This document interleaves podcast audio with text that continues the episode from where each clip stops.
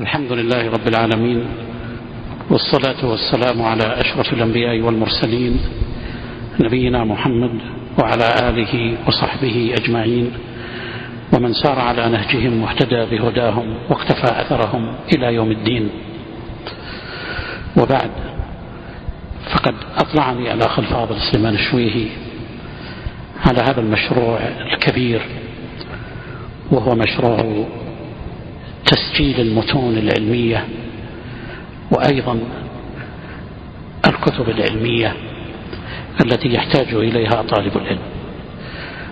ونحن في هذه الأزمنة المتأخرة والحمد لله تعددت الوسائل وتنوعت التي توصل العلم إلى أصحابه. ففي الوسائل الحديثة الكثير الكثير وخاصة فيما يتعلق بالكمبيوتر والشبكات المعلوماتية وغيرها فإن فيها مجالا كبيرا جدا لطالب العلم الحريص على طلب العلم. وهذا من تيسير الله سبحانه وتعالى لعباده وتبقى المهمة بالنسبة للمسلمين عموما ولطلاب العلم خصوصا أن يحرصوا على التأصيل الصحيح للعلوم الشرعية والمنهج الصحيح في باب الاعتقاد وأيضا في باب التزام الأحكام الشرعية وأن يحولوا علمهم إلى عمل. فلا يكونون من الذين يحرصون على جمع العلم والمعلومات دون أن يكون لها أثر في أخلاقهم وسلوكهم. وأيضا في عبادتهم وطاعتهم لربهم سبحانه وتعالى. ومن هذه الوسائل ما بدأه الأخ سليمان وفقه الله وسدده من تسجيلات لمتون علمية بصوت واضح وبلغة صحيحة. وهذان شرطان أساسيان لكل متن ثم بعد ذلك يكون نوع المتن. الذي ينبغي أن يكون متنا سليما بعيدا عن الأخطاء إلا ما كان من خطأ يسير ينبغي أن ينبه إليه. والحقيقة أن تسجيل هذه المتون ستقرب إلى المسلمين عموما وإلى طالب العلم خصوصا كثيرا من العلوم التي يستطيع أن يتابعها من خلال جلوسه عند الجهاز الكمبيوتر وأيضا من خلال ذهابه ومجيئه وأسفاره في سيارته وفي غيرها وذلك من خلال الشريط المسجل وأنا أقول إن هذا الكم الهائل الذي اختاره الأخ سليمان من التسجيلات لمتون العلم المتعددة ستفتح بإذن الله تعالى الآفاق لطلاب العلم ليختاروا منها ما يأخذونه سواء عند اهتمامهم بشرح بعضها أو تكراره لمن أراد أن يحفظ بعض هذه المتون أو الفهم الصحيح لمعانيها وخاصة إذا صحب ذلك أو قبله وهو أحسن قراءة إذا صحب ذلك قراءة في شرح ميسر. لمثل هذه المتون أو الكتب حتى يكون عند سماعها واعيا لها فاهما لها.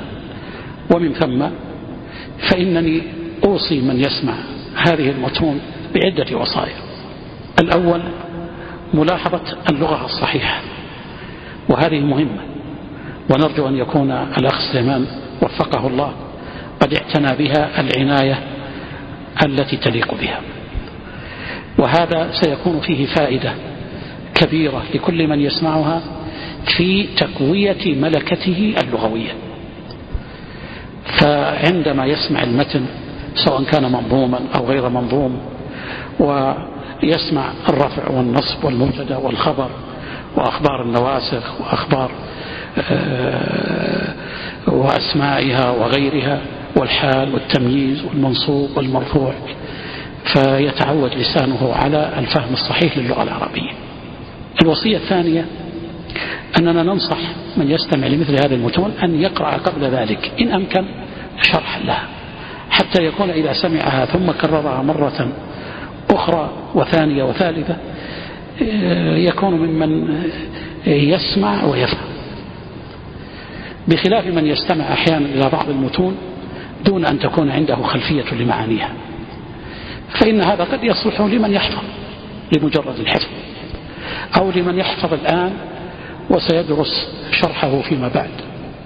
لكن عموم طلاب العلم وعموم المستمعين لمثل هذا الشريط قد يحتاج إلى أن يكون قبل ذلك فاهما لهذا المتن عارفا به ولو بالحد الأدنى من العلم الشرعي به حتى يستفيد منه.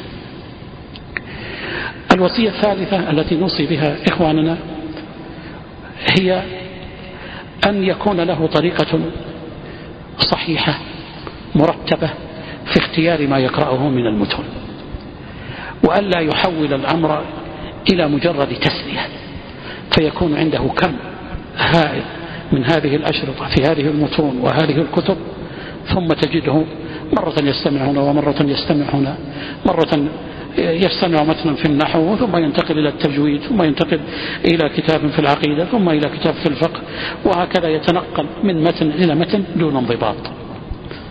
فإن هذا قد يصلح فيما كان يعني مجاله التسلية. لكن بالنسبة لطالب العلم فإننا ننصحه أن يرتب معلوماته حتى يكون ممن يبدأ بالمتن من أوله إلى آخره وحتى يستوعبه استيعابا الوصية الثالثة نقول لطلاب العلم خاصة إن مثل هذه المتون وهي حقيقة متون متنوعة ومختارة وكثير منها قد شرحه المشايخ وطلاب العلم ونحوهم نوصي إخواننا طلاب العلم أن تتحول هذه المتون إلى آه، متون أخرى أوسع متضمنة للشرح. فأنا أوصي مثلا في أن يصحب آه، هذه المتون فيما بعد آه، شرحا لها ويكون الشرح صوتيا. وهذا لا بأس به أن يكون مثلا عندما نجمع شرحا لمتن في النحو أن ينقل إليه مثل هذا التسجيل إذا كان تسجيلا جيدا طيبا منضبطا أن تنقل إليه بحيث يجمع بينهما. وهذه مرحلة أخرى. الأمر الأخير الذي أحب حقيقة أن أوصي به نفسي وإخواني جميعا سواء من سجل هذا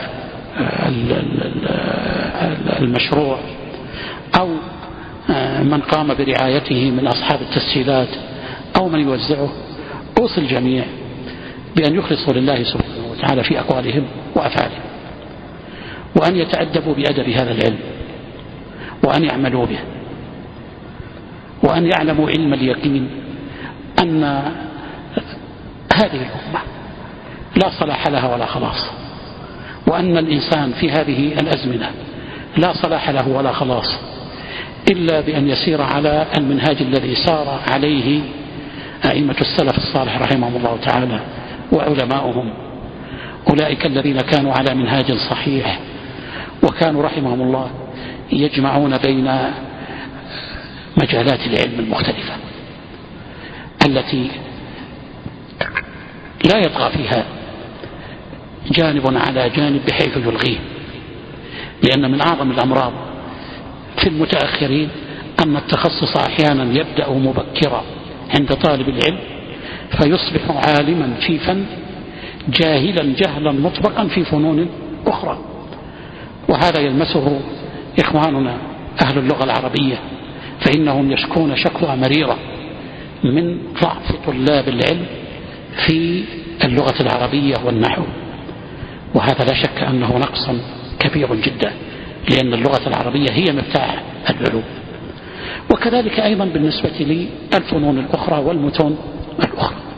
فينبغي لطالب العلم أن يكون طلبه للعلم متكاملا ثم لا بأس بعد ذلك أن يتخصص. أسأل الله عز وجل أن يبارك في هذه الجهود وأن ينفع بها وأن يرزقنا جميعا الإخلاص. والحمد لله رب العالمين وصلى الله وسلم على نبينا محمد وآله وصحبه أجمعين.